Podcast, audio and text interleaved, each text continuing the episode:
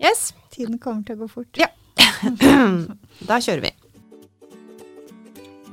Skolelys En pod for oss med hjerte i skolen.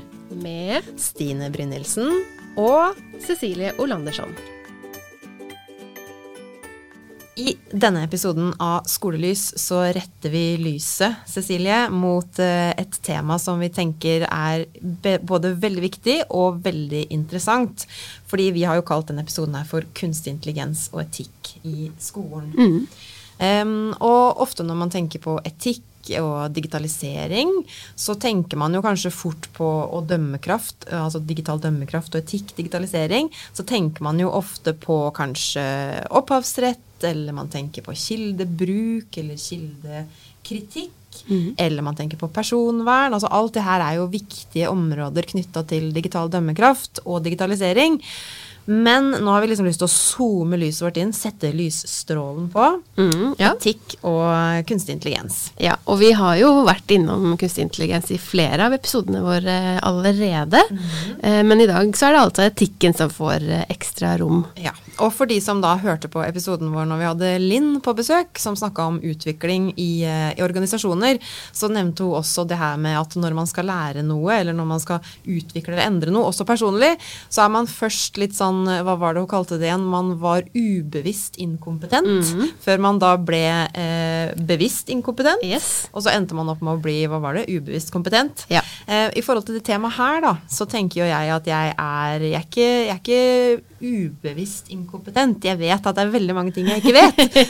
så dermed så er jeg vel da bevisst eh, inkompetent. Ja. Eh, men det er et område som jeg tenker alle vi som jobber med skole, med, med, skole, med lærerutdanning, altså med digitalisering, er nødt til å forholde oss til og lære mer om. Yes, og heldigvis i dag så har vi også med oss noen som har litt peiling på feltet. Som antakeligvis er veldig ubevisst kompetente, eller kanskje bevisst kompetente. og det er Leonora Onarheim Bergsjø, som er førstemannuensis her på Høgskolen i Østfold. Velkommen hit, Leonora. Tusen takk. For å si litt om Leonora først, eh, da, så, så du jobber jo på RES, Institutt for RES, som da er det veldig lange, vanskelige realfag og praktisk-estetiske fag eh, og samfunnsfag. Eh, eller hva er, er RES igjen, eh, Leonora? Husker du den? Ja, vi må ha med religion Og religion etikk i hvert fall, for Det er er veldig, eh, veldig viktig. Ja, fordi hvis man, eh, hvis man går inn på, på personsiden eh, på høyskolen og leser om deg, da, så står det jo at du både underviser og forsker her ved lærerutdanninga. At du er opptatt av nettopp digital etikk, big data, algoritmer, kunstig intelligens, digital dømmekraft, etisk forsvarlig digitalisering og profesjonsfaglig digital kompetanse, for å nevne noe. Eh, og i tillegg til å jobbe her hos oss, så er du også leder for eh, Norde, som da står for Norsk råd for digital etikk.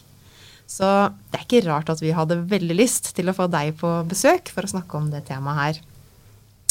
Eh, vil du fortelle litt mer om deg sjøl og din egen bakgrunn før vi går inn på, på dagens tema? Ja, det kan jeg gjerne. Jeg brenner jo for at særlig barn og unge skal bli gode digitale brukere. Det betyr trygge å kunne bruke digitale verktøy. Virkelig til å få et godt liv. Til å få gode venner, til å få de jobbene de vil, og, og, og leve godt som medborgere i en verden som blir mer og mer digitalisert. Så, så, så derfor er jeg her i dag, og derfor jobber jeg med disse temaene. Men, men hvis du tar oss med litt sånn tilbake da, i forhold til din egen bakgrunn. Vi vet jo at du jobber her nå med, med digital etikk og, og, og digital kompetanse. Men hvorfor, hvordan havna du her, på en måte? Jeg har en doktorgrad i religionsfilosofi. Ja. Og har jobbet mye med medier, estetiske medier. Og da jeg var ferdig med den doktorgraden, så tenkte jeg hvordan kan jeg bruke den på en måte som faktisk er nyttig i samfunnet. Og da så jeg at de digitale mediene og etikk det var et underforsket tema i Norge. Så derfor skrev jeg også, det var den første boken på norsk i 2019, som er helt utrolig sent hvis man tenker på den, hvor langt digitale verktøy var kommet til å påvirke alle sektorer i 2019. Så var det altså ingenting skrevet på norsk om digital etikk. Som altså handler om å ha etisk refleksjon med de digitale verktøyene som vi bruker i større og større grad. Så det du har gjort, Leonora, det er rett og slett å finne det magiske feltet vi alle leter etter, der hvor det ikke fins noe fra før, og bidra til feltet. Eh, og det gjorde du da, og det fortsetter du å gjøre nå. Eh, og det skal vi komme inn på litt etter hvert, eh, disse ulike prosjektene som du også er med i. Ja. Kan, du, kan, du, først si også litt om det her med, med Norde? Altså hva eller hvem er det? Ja, eh, Da jeg eh, ga ut den boken, så snakket jeg i forbindelse med boken med masse eksperter på digitalisering og etikk i Norge. Og, og, det vi så at var felles, var at vi manglet en felles arena.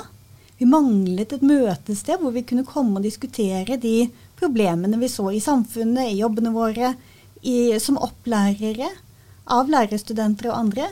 Og så tenkte vi det må vi lage. Så Norde er rett og slett et åpent forum for de som er opptatt av digital etikk. Og vi har jurister, vi har lærere, vi har forfattere, vi har samfunnsvitere.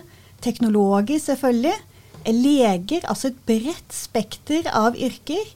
Folk som brenner for at vi skal få gode løsninger. Og det, eh, det, er jo kjempespennende, og det er jo også et perspektiv som vi kan ha med oss inn. Da, at Vi har jo tenkt å snakke om, om kunstig intelligens og etikk i skolen, mm. men det her er jo et felt der man virkelig også må tenke tverrfaglig. Og det vet jeg at du òg er opptatt av. Ja, det er helt nødvendig. Eh, fordi vi klarer ikke å overskue alle perspektiver, alle konsekvenser av de verktøyene vi eh, tar i bruk. Her tenker jeg Det viktigste man gjør i skolen, er å stille spørsmål. Fordi mm. vi har ikke alle svarene. Det er ikke jeg heller. Nei. Ingen av oss på, på, hvordan verktøy skal brukes, eh, hvilke konsekvenser det kan få. Vi vet ikke, men vi er nødt til å stille spørsmålene, for ellers eh, kan det gå ganske galt. Og det har vi jo dessverre en del eksempler på også, at bruk av digitale verktøy har ført til diskriminering osv. Det eh, som også kan være verdt å, å, fortelle litt sånn innledningsvis om deg, da, er at du også leder et stort forskningsprosjekt som, som er forkorta ENACT, som står for Ethical Risk Assessment of Artificial Intelligence in Practice. Kan du ikke bare kort si litt om eh, det òg? Absolutt. Dette er et eh, kjempespennende prosjekt hvor vi går sammen med norske bedrifter som utvikler verktøy som har kunstig intelligent i seg. Mm. Og det er jo etter hvert veldig mange. Vi har noen fra læringssektoren altså som kommer til å gi digitale verktøy til skolen med digital læringsanalyse. Mm. Vi har noen som jobber med helse. Og vi har Nav som jobber med velferd. Det er jo ekstremt viktig for hver og en av oss at Nav bruker digitale verktøy sånn at vi ikke blir diskriminert. Ikke At de sårbare i samfunnet får den hjelpen de skal ha. Mm. Det vil Nav også. Men de har manglet gode eh, prosessverktøy for å utvikle etisk forsvarlig kunstig intelligens. Og det vi skal gjøre i prosjektet, er å hjelpe dem å utvikle et sånt prosessverktøy som de kan bruke, slik at fremtidens digitale verktøy kan være etisk forsvarlige ut fra sånn vi ser på etikk i en norsk kontekst. Og dette er også et viktig poeng at det er litt forskjellige forestillinger om hva som er et godt samfunn. Så derfor må man tørre å ta diskusjonen ja, men hva mener vi med rettferdig, mm. f.eks. Men da må jeg liksom stille et spørsmål, fordi eh, du nevner at dere samarbeider med litt ulike parter. Eh, og som kanskje, og naturlig nok, drar i litt ulike retninger. Eh, da er jeg litt nysgjerrig på hvordan, eh, hvordan får dere til det?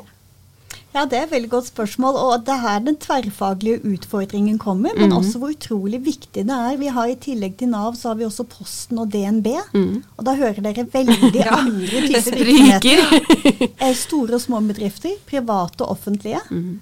Og, og, disse virksomhetene er også veldig interessert i å snakke med hverandre. Ja. DNB syns det er spennende å høre hva de mener om lærings, digital læringsanalyse. Mm. For de er også nysgjerrige, og, og, som alle andre så ønsker de å ha gode løsninger for forbrukerne. Mm. Men de vet ikke helt hvordan de kan sikre det. Og det er det vi skal forske på sammen med dem. Og da er det Høgskolen i Østfold er en sentral part. Um, Sintef leder det, og så er det sammen med Universitetet i Oslo og Agder og NTNU. Mm. Så det er rett og slett for å si det litt beskjedent, de beste forskerhodene i Norge på det.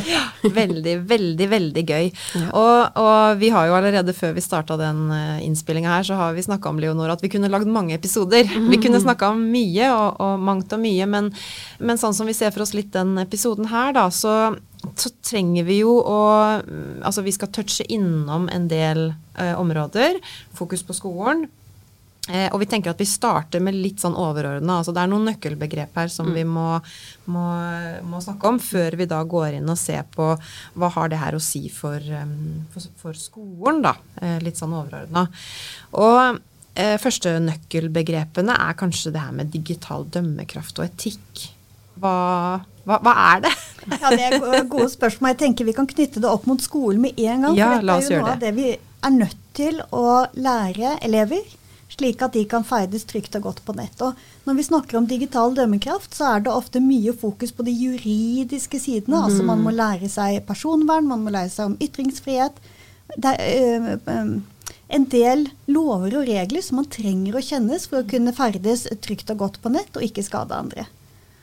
I tillegg så handler digital dømmekraft om normer og det å, å, gjøre det som oppleves som godt for mm. andre. Og her er det etikken kommer inn. Ofte så fokuserer vi litt lite på det, så jeg har lyst til å fokusere mye på det. Mm. Og når jeg snakker om etikk, så, så, er det mange måter å definere det på. Men vi kan rett og slett si det litt enkelt og si at det er det som er godt for meg og deg på kort og lang sikt å gjøre. Mm. Det som bidrar til at det blir et bra samfunn over tid. Både for den enkelte og samfunnet. Mm. Det hørtes enkelt, men veldig, veldig vanskelig ut eh, samtidig. ja, altså, altså, jeg pleier å si at etikk er vanskelig, men viktig. Mm. Og det leder ikke til ett svar med to streker under, men, men, vi kan få velbegrunnede avgjørelser. Vi kan si etterpå at jo, men det var dette jeg tenkte, det var derfor jeg gjorde sånn. Eh, det er det det handler om, å komme frem til noe som vi har vurdert å komme til at jo, men det er det beste jeg klarer nå. Mm. Det er sånn jeg må gjøre det. Mm. Fordi etikken eh, sånn som vi tenker det særlig i digital etikk, ender jo med handlinger. Mm. Gode handlinger. Det er ikke bare en filosofisk samtale, men også noe som vi gjør, som vi ser i praksis. Mm. Og eh, vi ønsker jo da å knytte det opp mot eh, kunstig intelligens. Mm. Så det er, ikke, det er alle de her avveielsene, det som på en måte ligger bak, det som da fører til de handlingene som du snakker om, som vi, eh, vi er opptatt av og nysgjerrig på nå. Og nå er det, det, er mange som har på en måte prøvd å definere kunstig intelligens. Hva er kunstig intelligens for deg, Leonora? Ja, kunstig intelligens er en våt drøm til noen vitenskapsmenn. en, en, en, drøm som ikke alle oss deler, som handler om å lage maskiner som er som mennesker. Mm. Men for deg og meg så handler det om å være på nett, være i sosiale medier, og så gis vi noen valg som er preget, preget av en teknologi som vi ikke forstår. Mm. Og det er kunstig intelligens. Mm. Ikke sant? Så for deg og meg så handler det om at vi er på nett. Vi søker kanskje på Google eller er inne på, noe, på sosiale medier. Og så vises vi videoer, vi vises tekst, vi vises forslag. Hvem er det som har bestemt det? Jo, det er noen maskiner som er kodet på en måte som er trent opp på data, brukt til å kode mot mål som vi ikke kjenner. Mm. Og dette er den kunstige intelligensen. Og et uh, ferskt eksempel på det er at uh, jeg nylig kjøpte en fotballdrakt uh, til sønnen min, Haaland. I vinden, han også, sånn som kunstig intelligens. og nå får jeg masse sosiale medier-varsler eller reklame retta mot meg som, som forteller meg om Haaland, hans liv, og hans private liv, som jeg egentlig ikke interesserer meg for i det hele tatt, men som de har plukka opp fordi at jeg har kjøpt noe i en nettbutikk. Ja, og det som har skjedd er jo at De både har registrert data om deg, mm. analysert dem og mm. brukt dem til å selge annonser. Mm. Og nå har jeg sagt det høyt i en podkast, og nå får jeg sikkert enda mer. og, så, og, og, dette er deg og meg som voksne personer, men, mm. men det som vi ser nå for barn f.eks., ja. er jo at Snapchat tenker å bruke den digitale, eh, digitale snakkeassistenten som er der, mm. MyAI, My eh, til å gi reklame. Mm. Og dette er jo eh, Vi kan le av Haaland-reklame, mm. men det mm. kan jo være reklame for eh, mat, kostholdsregime, mm. som kanskje kan treffe barn i liv, sårbare livssituasjoner, mm. og, og, få alvorlige konsekvenser for den enkelte. Mm. Men det som jeg tenker er, er viktig, da, det er jo da det du sier med at det her er noe som ligger bak. Altså det er noe eh, som fører til noe annet. Og algoritmer er jo et sånt viktig begrep da, som vi må snakke om. Fordi Eh, det er jo ikke sånn at de datamaskinene bare eh, gjør noe. Det er jo noen som har programmert en algoritme, kan vi kalle det en slags eh, oppskrift eller en regel som, som, gjør, som noen legger inn, og som mm. gjør at man gjør noe med de dataene man får inn. Eh, så algoritmer, det er et viktig begrep også. Ja, og her har du jo en, en, en god eh, oversettelse allerede. Det er en oppskrift. Mm. Det er en oppskrift for å nå et mål. Og det med mål er viktig, ikke sant? for det er et mål som skal nås mm. med denne oppskriften. Mm. Det er en kake som skal bakes, det er en genser som skal strikkes. ikke sant? Det, er, det, er, det skal komme et produkt. Mm. Og hva det produktet er, det er jo bestemt. Mm. Og, og, når vi bruker kommersielle uh, aktører, Snapchat, YouTube, Facebook, så er det jo mål som er bestemt av en kommersiell aktør som er opptatt av å tjene penger. Mm. Og dette glemmer vi ofte, f.eks. Når, vi, når vi bruker Mange bruker jo nå eh, chatboter til å eh, få svar på ting. Mm. Som om det var eh, en, en, lærer som ville dele kunnskap, da, for å si det litt enkelt. Og det er det ikke. Nei. For det er jo klart at når, når, tenker, når, mange snakker om kunstig intelligens nå, så snakker man jo ofte om disse store språkmodellene, eh, large language eh, models, er det det de heter, som ChatGPT f.eks., eller MyAI. Um, og det handler jo ikke om Jeg syns også at det begrepet kunstig intelligens er litt sånn snodig. Og så har jeg jo begynt å lese i boka til Ingar Strymke som heter uh, 'Maskiner som tenker', at uh, de, de som fant opp kunstig intelligens-begrepet, de var heller ikke så fornøyd med det. Fordi det ligger jo på en måte en sånn implisitt eh, tanke om at det er noe menneskelig, da. Intelligens er jo noe menneskelig, og så er det noe kunstig, og så vet man ikke helt hva det kunstige er. Men f.eks. da disse store eh, språkmodellene som ChatGPT, som vi da gir veldig sånn menneskelige egenskaper. Vi sier nei, ChatGPT lyver, eller mm. lurer oss, eller men, men, det det egentlig handler om, sånn som jeg har forstått det, er jo at man har masse data. Man har en algoritme som samler masse, masse data, og så predikerer eller antar da ChatGPT hva som er naturlig å si eh, videre. Og så får det det veldig menneskelige preget fordi at det, de bruker da jeg, eller det, det omtaler nesten seg selv som, uh, i, som person. Mm, og det som gjør det litt forvirrende er at den er god til å predikere, men den, er, den kan også ta veldig feil. Eh, og det er jo da, litt der vi er òg i den samtalen her nå. Eh, det feltet som på en måte Det etiske, da. Og hva er mm. riktig, hva er galt, hva, hva kan man bruke og ikke bruke. Ja. Ja, for den prediksjonen, altså det, det, vi snakker om nå, er jo at den prøver å forutsi hva vi vil, hva mm. vi ønsker oss. Mm. Også hva vi kan bli avhengig av. ikke sant? Hvilke mm. såre punkter vi er, når vi kan selges noe den er også opp, opplært, og da sier jeg den som om det var noe, ja. men det er også en maskin vi snakker om her, bare for å understreke det. Den er opplært til å treffe oss på visse tider av døgnet, f.eks. Mm. De, de vet mer om oss enn en kanskje våre nærmeste. Mm men de har ikke den kjærligheten til oss. Mm. Nei. Det har de ikke kapasitet til. Å, det var ja.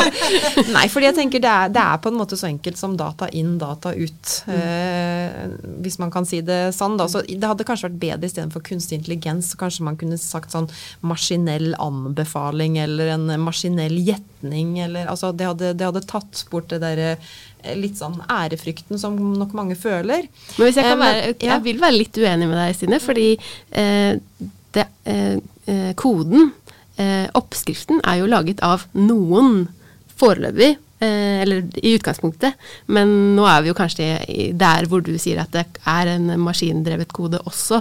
Men i utgangspunktet er det jo en idé som som er menneskelig, da. Eh, så det er vel en utvikling alltid, alltid algoritmen, algoritmen, skjønner kanskje ikke alltid hva mennesket egentlig vil, men Nei. det er jo en annen, sikkert en annen sak. Men, men, vi er vel kanskje inne på noe av det her med etikk og kunstig intelligens. Da. Altså mm. hvorfor henger det egentlig så nøye sammen? Mm. Hvorfor, hvorfor, skal vi bry oss om etikk? Eh, i den sammenhengen her. Mm, mm.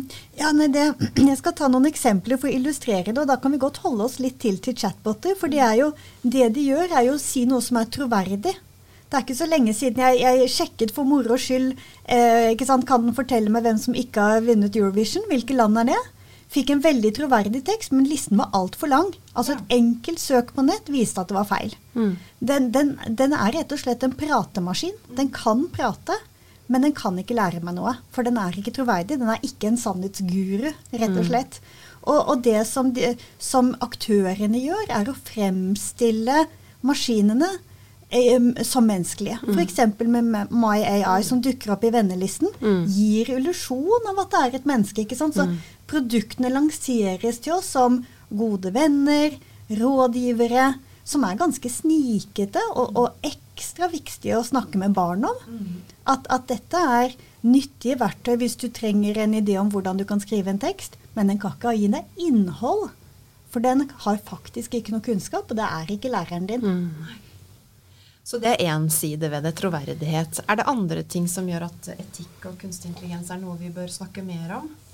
Ja, eh, troverdighet er et godt ord. Tillit er et annet. Det er jo en risiko for at det gjør noe med tilliten vår, etter hvert som maskiner ikke bare produserer tekst til oss, men nyheter på nett. Mm. Vi ser mer falske nyheter. Altså dette gir det, det, beste jeg kan si om disse generatorene, er jo at de skjerper den kritiske sansen vår. Mm. Ja. Det, det, krever enda mer at vi er kritiske, og dette er jo noe vi er nødt til å lære. Mm. Vi har jo altfor lenge tenkt at jo, men hvis det fins et bilde, hvis det fins en video, ja, men da har det skjedd. Mm. Men det vi ser nå, er at det kan finnes videoer til og med som er fake. Mm. Det er ikke bare skuespillere, det er rett og slett datagenerert. Og det å gå inn i den dialogen, og det er dypt etisk, det kan få veldig store konsekvenser. Vi har jo, hvis vi snakker om deepfakes, da, disse videoene, så har det jo både vært politikere som har manipulert, men også enkeltmennesker, f.eks.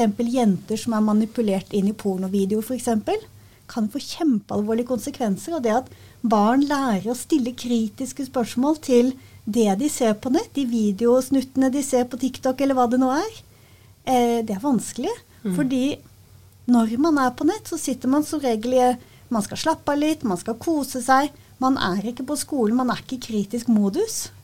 Men det er vi nødt til å være, fordi eh, både kan det være løgn det vi vises, men det kan også brukes til å manipulere oss og endre hva vi ønsker oss, hva vi eh, drømmer om. Mm. Så at det kan være så, så jeg, Troverdighet og, og tillit er, det tenker jeg er veldig gode sånn stikkord. Og, og også det at man ikke eh, det er jo veldig vanskelig å finne ut av. Altså selv om jeg vil være kritisk, så er det vanskelig for meg å vite hva annet skal jeg sjekke med hvis jeg ikke kan sjekke med det som ligger ute på internettet. da. Så absolutt troverdighet og tillit er to veldig viktige grunner til at vi bør være opptatt av etikk og kunstig intelligens. Jeg har lyst til å bruke et ja. eksempel til også, fordi det vi ser f.eks. i chatbotene, så har de stilt inn sånn at de skal svare noe som ikke kan volde skade. Mm. Altså når man ser hva de vil svare på, så endrer dette seg over tid, og det endrer mm. seg nå ganske raskt. Mm. Det er ikke så lenge siden jeg sjekket ut hva vil en chatbot lage vitser om. Ikke sant? Foreløpig har den laget om kjønn, det er greit. Den kan lage vitser om jenter og gutter, men ikke basert på etnisitet. Eh, men den ville gjerne lage noe om samer, det var greit, men ikke amerikanske urfolk.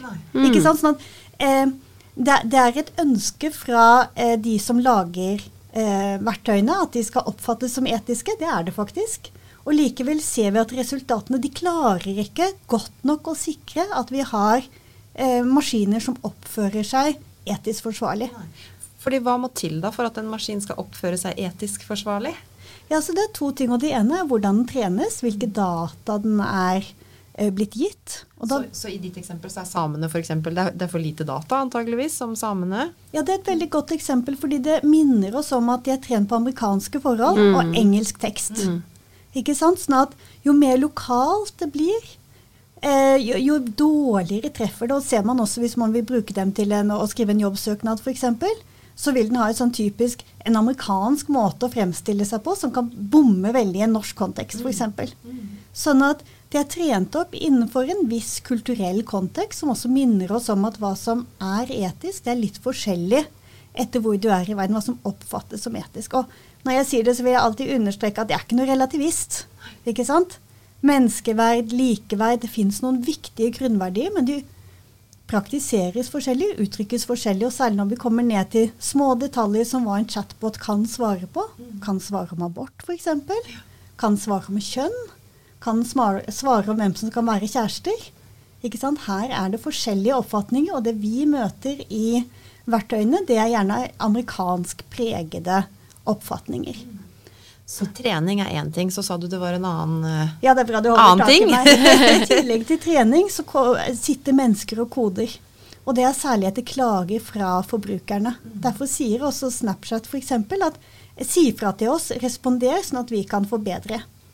Og, og, det er da du får disse rare utslagene, sånn som at amerikanske urfolk og ikke samer, og dette kommer til å endre seg raskt når mm. de blir bevisste. Mm. Og så da får vi en sensurkultur som også er problematisk. Det sitter altså noen og bestemmer om chatboten kan svare om abort eller ikke. Og det er Vi er veldig for at den ikke vil skade mennesker. At det ikke er lov å skrive trusselbrev, f.eks. Men, men, mennesker er jo kreative, sånn at man kan lure dem til å svare på mye forskjellig. Og, og så må vi ta en diskusjon på hvor mye vil vi skal sensureres, og hvem skal ta valgen rundt dette. Ja, Så troverdighet, tillit, ytringsfrihet, demokrati. altså Det er store, store ting som står, står på, på, spill her. Og, og hvis, vi, hvis vi, altså Du nevner det her med at noen utvikler, og så trenes den eh, botten. Og når den trenes, det er vel det her som også da handler om maskinlære, så kanskje den tror ting som man ikke hadde forutsett heller som menneske, altså som den personen som satt. For det kan vel ikke være sånn at alle som sitter og Selv om man sier at de fleste som sitter og programmerer er hvite menn i, i unge hvite menn, så kan det vel ikke være sånn at alle på en måte har et dårlig utgangspunkt eller ønsker å være etisk uredelige? Altså Det riktigere er nok å si privilegerte. Privilegerte. Ikke mm. sant? Altså, eh, det er kommet etter hvert mange etnisiteter inn, f.eks. Men, men det er foreløpig flest menn. Og, og de, fra, de, gjør det fra et privilegert posisjon, og det ser vi også hvem verktøyene passer for hvem de tilbys, mm. og hvem de gir goder. De forsterker faktisk sosiale forskjeller akkurat nå. Nå er vi inne i etikken mm. igjen, ikke sant? Og, som også handler om menneskeverd. Altså dette at å bruke verktøyene på en måte som fremmer menneskeverd, det er faktisk litt utfordrende. Og, og bare det å snakke om dette sammen med elever, og peke på forskjeller, og, og bare snakke om ja, men hva ser vi, hva ser vi ikke? Ikke sant? De fleste vil jo hvis du undersøker feeden sin, se at det er en viss eh, kjønn, etnisitet, funksjonsevne. Det finnes noen nivåer som vises, som ikke nødvendigvis passer til den mangfoldforståelsen og, og, og, den ideen man har om at alle skal inkluderes. Og, og, bare ved å se på feeden, så kan du oppdage noen sånne etisk problematiske sider ved sosiale medier, f.eks. Og igjen da, så tenker jeg tilbake litt på det her med at ja, det, noen, noen, programmerer, men også det her med at den trenes. Og det fins jo noen eksempler, jeg tror det var i Ingar Strymke sin bok, som kanskje du også kjenner, der, der, mm, der man eh, skulle trene en eh, kunstig intelligens på å kjenne, kjenne igjen ulv. Og så endte det opp med at det den egentlig kjente igjen, var snø. Altså Den skulle skille mellom hund og ulv. Og så trodde man at ja, det klarer den fint, men så viste det seg at nei, nei, det, det som eh, den hadde lagt merke til, var egentlig at det var snø i bakgrunnen. Så fins det også et eksempel fra Amazon eh, med jobbsøknader. Kan du mm. fortelle litt om, om ja, ja, absolutt. Eh, det, det, mest kjente er at Amazon hadde lyst til å lage en algoritme som hjalp dem å sortere jobbsøknader, mm. slik at de raskere kunne finne frem til de beste kandidatene. Og da hadde de veldig bevisst ikke satt kjønn som et kriterium. Men likevel ble alle de topprangerte de var faktisk menn. Mm. Og så gikk de tilbake og undersøkte hva er, som, hva er det som gjorde det, når vi ikke ba om kjønn. Og så så de at jo, men i datamaterialet så var det store skjevheter. Og det maskinen gjør, er ikke bare å se skjevhetene, men den ser mønstrene, og så forsterker den dem. Mm. Og derfor er det så enormt viktig hvilke datamaterialer vi trener dem på. Fordi der var det rett og slett flest mannlige altså søknader fra menn man hadde sett, eh, sett på, eh, var det ikke det? Og så da tenkte jo den maskinen at ja, ok, da betyr det vel at menn egentlig er de som helst bør, bør jobbe, da. Altså den hadde jo ikke noen, noen kjønnsdiskriminerende utgangspunkt sånn sett, men, men, det var det som ble resultatet. Ja, og den tenkte ikke Stine. Nei, den tenkte ikke, den gjorde ikke det. det er veldig bra at du følger med altså, på det. Jo, den det, tenker ikke. Vi, vi, vi, gjør denne feilen hele ja. tiden, og det er lagt opp til at vi skal det, og det er så utrolig viktig. Jeg gjør feil feilen selv hele tiden. Men, men språk er makt. Helt enig. Og, og, og, det å få plassert digitale verktøy som verktøy Du har en hammer, ikke sant? du har mm. kunstig intelligens, du har en spiker. Det er verktøy. Mm. De tenker ikke, de ljuger ikke, de snakker ikke. Men, men, det er veldig vanskelig, fordi man har på en måte ikke andre ord om eh, det de gjør. da. Eh, og man sier de og den og, eh, og så videre og så videre. Men skal vi prøve nå, nå, nå tenker vi veldig store ja, og tanker. Det, og det er komplekst. Og hvordan ser det her ut for oss som jobber i skolen? Altså hva, hvordan, hvordan skal vi forholde oss til kunstig intelligens i skolen? I småskolen, i grunnskolen, i videregående, i høyere utdanning? Ja. Mm. Altså, Det første jeg tror vi må bare, bare, tenke, er at dette kommer. Det kommer til å være i alle digitale dingser. Altså, mm. Dette er ikke noe vi kan velge bort. Nei, for det, det, er et viktig premiss her. Mm. De er nødt til å forholde oss til det. Og vi må, vi må faktisk forholde oss konstruktivt og se hva kan vi gjøre for å gjøre best mulig ut av det. For det, vi kan ikke velge det bort. Det, det, tror jeg vi ikke får til, faktisk. Nei. For det var det jeg hadde en liten sånn drøm om en stund. At kanskje man kunne sette på en sånn klistrelapp. Dette er kunstig intelligens-verktøy. Eh, men da sa jo du, for når vi prata om det, Leonard, at det, det, er en dårlig idé, Stine. fordi det, er, For det første så kommer det til å komme overalt, og det er vanskelig å skulle sette en sånn type merkelapp. Men det jeg tenker da, er at uh, først og fremst uh, jeg som lærer eller lærerutdanner må vite litt hva kunstig intelligens er, og ikke minst hva det ikke er. Um, ja. Ja, ja og, og, dette er en sånn kjerneting i den digitale etikken. For å kunne diskutere teknologien, så må du forstå hva den gjør. Det betyr at du eh, f.eks. når jeg eh, er på sosiale medier, når jeg eh, bruker Google søkemotor eller andre, så må jeg vite at ja, men her er det en maskin som bruker data, og basert på de data så kommer det noen forslag. Mm. Det er det som skjer. Det er ikke det beste for meg eller det klokeste i verden. ikke sant? Altså, vi, vi, vi må komme forbi sånne illusjoner ved å se ja, men dette er en datamaskin. Mm. Og det gjelder ChatGPT også.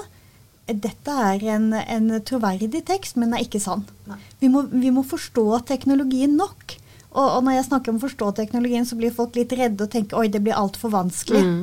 Men, men, men, vi kan gjøre det ganske enkelt og tenke at jo, men Eh, det betyr at er, eh, den er basert på data, og den kommer med noen anbefalinger. Mm. Og det er sånn jeg har begynt å tenke på det, og det er derfor jeg har drevet og bala litt med det kunstig intelligens-begrepet da, i, i, mitt eget hode. Fordi eh, som sagt intelligens gir på en måte et sånn aktørskap, eller det gjør at man, man tenker at noen kan tenke. Mm. Derfor så sier man at den tenker, f.eks. Eh, men for meg så det å liksom omdøpe det litt, da til som jeg sa i stad, maskinell predikering eller et eller annet som gjør at du tar bort det her menneskeaspektet. Men i hvert fall forstå hva KI er. Gjenkjenne det litt i verktøya, altså at det fins der.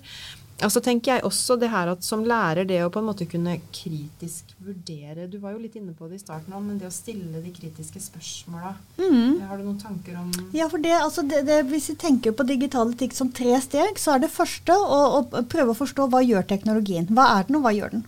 Og det andre steget er basert på det å diskutere Eh, hvilke konsekvenser for det? Er det bra?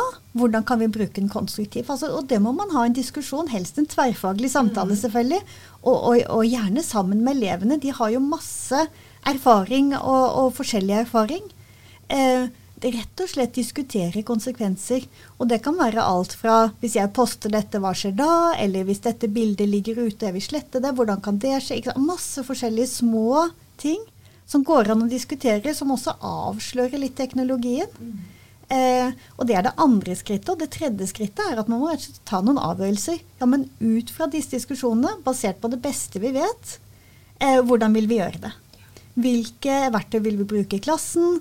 På skolen? Hvilke alderstrinn? Altså Når jeg sier at kunstig intelligens kommer til å være i alt, så betyr jo ikke det at vi er nødt til å bruke det med alle elevgrupper. Eh, her kan vi ta noen aktive valg og si at f.eks å produsere tekst. Det er noe vi ønsker at de gjør i begynneropplæringen. Og på videregående så kan vi lære dem kreativt bruke generative motorer for å få andre typer tekster.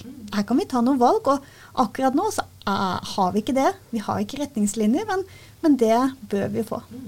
Og da tenker jeg også at det blir enda mer viktig å ha det her. Vi snakker jo ofte om profesjonsfaglig digital kompetanse som en sånn tosidig, minst. Uh, altså et tosidig perspektiv. Da. Det ene er at du som lærer selv må utvikle deg og din kompetanse knytta til teknologi, som gjør at du da kan både forstå det og anvende det i egen undervisning. Og så skal man jo også eh, lære elevene ikke sant, å bli digitalt kompetente. og ha Digitale ferdigheter er jo en grunnleggende ferdighet. Og hvert fall, altså Man jo, har jo alltid snakka om og tenkt på at den digitale utviklinga skjer så fort, og hvordan skal man henge med? Og KI vil jeg tro føles som en sånn tsunami eller takras eller hva som helst. Men, men allikevel, da det å liksom ha noen knagger man kan henge ting på, være litt nysgjerrig interessert, også fordi at elevene vil jo trenge det her um, i alt fra jobb til de, demokratisk deltakelse uh, til å mestre livet sitt. Eh, og du var jo inne på det, Leonora, det med modenhet, egentlig. Du snakket om småskolen og videregående. Og så vet jo jeg som tidligere ungdomsskolelærer og som elev at man kanskje noen ganger tar litt enkle løsninger. Da. Eh, så det tredje steget som du snakker om, da, en ting er å diskutere det og på en måte etablere en sånn sannhet hvordan vi gjør det i vår klasse, eh, men faktisk også gjøre det. Mm. Ikke bare snakke om det, men gjøre det. Se hva slags resultat får jeg når jeg gjør det på den måten eller den måten eller den måten. Eh. Og her finnes det etter hvert noen litt morsomme modeller som man kan prøve ut. Jeg har lyst til å dele et eksempel fra eh, Det er fra Sverige. Eh, hvor de hadde jobbet med en elevgruppe på ganske stort spenn. Eh, jeg tror det var syv til tolv. Eh, hvor de hadde laget en analog versjon av et digitalt medie som eh, mange av dem brukte. Eh, eller som kjente til. Og, og det kan være hva som helst. Eh, de kalte det Wallbook, som, som, en parallell til Facebook. Men, men, og dette har det gjort, vært gjort mange steder i verden, men jeg har ikke sett så mange eksempler i Norge. Og det som er hovedideen, er å få gjort alt det samme, men analogt. Okay. Mm. Barna kan f.eks. si man setter av én vegg til, til, å være denne eh, digitale plattformen. Så kan barn og elever opprette profiler. Eh, presentere seg selv. Hva vil man dele? ikke sant? Masse diskusjoner rundt personvern for hva man vil legge ut. Hvilke bilder vil man bruke? Den så, type ja, ting. Så at man rett og slett har en vegg i klasserommet der man kan tegne eller printe ut eller hva som helst. En liten profilpresentasjon av seg selv. Rett og slett. Og så kan man også ha eh, oppgaver, prosjekter sammen som man poster, da ikke på nett, men på denne. Mm. Man kan kommentere på hverandres poster. Man kan ha prosjekter, og dette kan man tenke veldig tverrfaglig med noen kanskje falske nyheter, og snakke med elevene hvilke er falske, hvilke er ekte, diskutere hva er kjennetegnene. Mm. Eh, men også diskutere når vi sier at mange har kommentert på én sak, og noen ikke har gjort det. Eh, hva betyr det? Eh, hvordan tolkes en kommentar som er lagt ut? Altså Det fins masse kreativt potensial til hvordan man kan bruke en sånn veldig enkel modell da, som det er å gjøre alt analogt. Mm. For å få vist mange av de dynamikkene som vi har i en digital verden. Det er kjempespennende, og da blir det jo synliggjort for elevene på en helt annen måte. Man gjør det innafor trygge rammer. Og så tenker jeg eh, det som jeg blir mer og mer eh, opptatt av å tenke på, er det her med samtale. Mm. Altså det å faktisk snakke sammen muntlig der og da om det som man ser, og om det som skjer det må jo være en kjempefin måte å få, få, elevene bevisste. Og, fordi det er jo ofte sånn at når man sitter bak en skjerm, så kan man hamre ut både store og små, kan hamre ut litt av hvert av kommentarer, men at man ansvarliggjøres på en annen måte da, når man snakker om det. Absolutt. Og så kan man få illustrert noen av de tingene som vi kanskje vet, men ikke tar så alvorlig. F.eks. at alle gamle poster blir hengt over som en sky. Ja. At det ikke forsvinner. Ingenting tas mm. ned. Mm. Alt fins der. Mm. ikke sant? Alt som er satt på veggen, det blir aldri slettet. Ikke sant? Illustrere det, eller illustrere Kanskje flytte læreren på, på postene og prioritere noen etter et mønster eleven ikke kjenner. Mm. For å, for å imitere algoritmene som, som, fremmer noe og innhold og ikke annet. Og, og, kanskje kan det en uke bare fremme guttenes innhold, og så kan man kjenne på, ikke så kan man diskutere kjønn og diskriminering.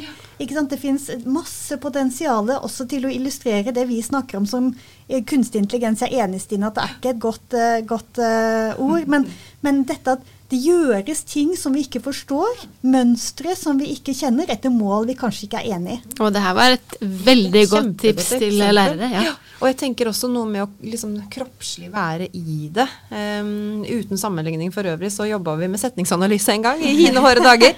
Og da printa vi ut alle ord, og så lot vi elevene stille seg opp. Det her var norsk som andrespråk. Lot de elevene stille opp i den rekkefølgen de trodde var den korrekte da, i, i, i grammatiske rekkefølga. Og så bytta vi om på det, og så da, da fikk vi helt andre typer diskusjoner. Så det minner meg litt om, om det. altså som sagt det her med å være kroppslig til stede og se noe konkret. Og så tenker jeg man kunne bygd ut til uh, rollespill eller til en type storyline. Altså at Absolutt. læreren kommer inn og henger opp noe helt uh, uhørt, eller som du sa, ikke sant. Ja, mm. ja og, og, hvis vi går tilbake til Amazon-eksempelet, noe det de algoritmene hadde plukket opp, var språk. Mm. Og de som skrev f.eks. Women's Club, altså kvinneforening, eh, de ble ikke prioritert. Ja. Mens de som brukte typisk gutteord, det er, det er en eller annen grunn er det jo forskjell i hvilke, hvilke, ord vi bruker, og det var 'executed'. Ja. Og, som jeg heller som kvinne uavhengig av det Jeg aldri ville funnet på å si at jeg har executed noe. Altså jeg har gjennomført, utført på en sånn måte som minner meg mest om en giljotin. Ja. eh, ikke sant? Og at det kanskje ville være noen poster som ble fremmet basert på noen ord. Som også da elevene måtte jobbe med å finne ut hva, hvorfor er jeg diskriminert nå? Ikke sant? Er det fordi jeg har brukt noe om kjønn, eller er det et politisk budskap? Eh, skriver jeg om Kina og den himmelske freds plass, eller er det funksjonsevne? Eh, at, at, eh, at læreren simulerte, og særlig kanskje litt eldre elever, for å vise hvordan hvordan vi diskrimineres på ulike måter. Og, og, gjøre elevene oppmerksom på at dette kan skje. Dette må vi være obs på og diskutere når det skjer. Veldig, veldig veldig spennende. Et sånn siste eksempel fra klasserommet som jeg har lyst til at vi skal være innom før vi, før vi runder av, da, det er jo det her med vurdering av kunstig intelligens. Ja. Læringsanalyse. Um, som man jo også kan lage en, en egen episode om. Men jeg tenker at noe som lærere i hvert fall må ha litt sånn framme i pannebrasken, da, det, det, er jo også det å kritisk vurdere en del av de verktøya som nå gir tilbakemeldinger automatisk enten direkte til læreren eller til elever. Og da tenker jeg jo f.eks. Eh, eller det kan være andre typer verktøy som du bruker. Vi, vi, har ikke vært så mye innom det nå, men en annen ting som, som ofte dukker opp i forhold til at kunstig intelligens er, er litt um, skjev eller biased, altså at den u, uforholdsmessig vender seg mot noe og ikke noe annet, da. det er jo det her med stemmegjenkjenning eller ansiktsgjenkjenning f.eks. Og vi bruker jo ganske mye diktering, transkribering. Eh, I Microsoft så finnes det et verktøy som heter leseframdrift, som da, der elevene kan lese inn en tekst som da gir deg på en måte riktig og feil uttale. Eh, og det kan jo slå veldig ulikt ut. Litt sånn avhengig av hva den For den bygger jo også på kunstig intelligens. ikke sant? Av hva den eh, maskinen da forstår. Ikke som menneske, men som, som maskin. Har dere noen tanker om det? Om kunstig intelligens og vurdering og Altså Her er det jo masse tanker. Jeg tror ja. vi må ta en ny episode. Vi må nesten det. Men en viktig ting å ha med seg er at det er satt noen kategorier mm. som man puttes inn i eller testet utenfor. Og dette kjenner vi jo fra alt mulig annet i livet, og vi har det i diagnosesystemet f.eks. ikke sant? Eh, IQ 71 er ikke utviklingshemmet, IQ 69 er det. Mm. Men jeg vil ikke kunne observere forskjellen på en med uke 69 og 71. Vi lager noen kunstige skiller for å kategorisere andre. Og med noen utrolig store konsekvenser for de som kategoriseres. Og det er det parallelt til det som skjer hvis vi bruker resultatene uklokt. Ja. Så det igjen handler om kritisk Det å kunne reflektere, det å forstå, det å kunne reflektere, og ikke nødvendigvis kjøpe da alle de her um, automatiske tilbakemeldingene som, som jo også mange aktører innenfor Edtech utvikler med veldig gode intensjoner. ikke sant? At man skal samle masse data og så gi læreren en støtte og en hjelp. Men, men igjen det her med at det er, ikke, det er ikke den kunstige intelligensen som har eh, agensen eh, eller aktørskapet, men det må være læreren. Ja, og så er vi litt tilbake til de tre skrittene i digital etikk. ikke sant? Du må forstå teknologien, forstå hvordan den kategoriserer og hva den gjør diskutere konsekvenser og, og, vurdere hvordan man vil bruke den. Det er ikke feil å bruke den, men det må gjøres eh, veloverveid og, og, ikke bare eh, lovlig juridisk, men etisk forsvarlig. Mm. Og med det, Leonora, så tenker jeg bare to be continued. Ja. Tusen takk for at du kom i studio i dag. Nå har vi fått masse i den menneskelige intelligensen å tenke på og tygge på. Tusen takk, Leonora. Takk skal dere ha. Skolelys. En pod for oss med hjerte i skolen. Med Stine Brynildsen og Cecilie Olandersson.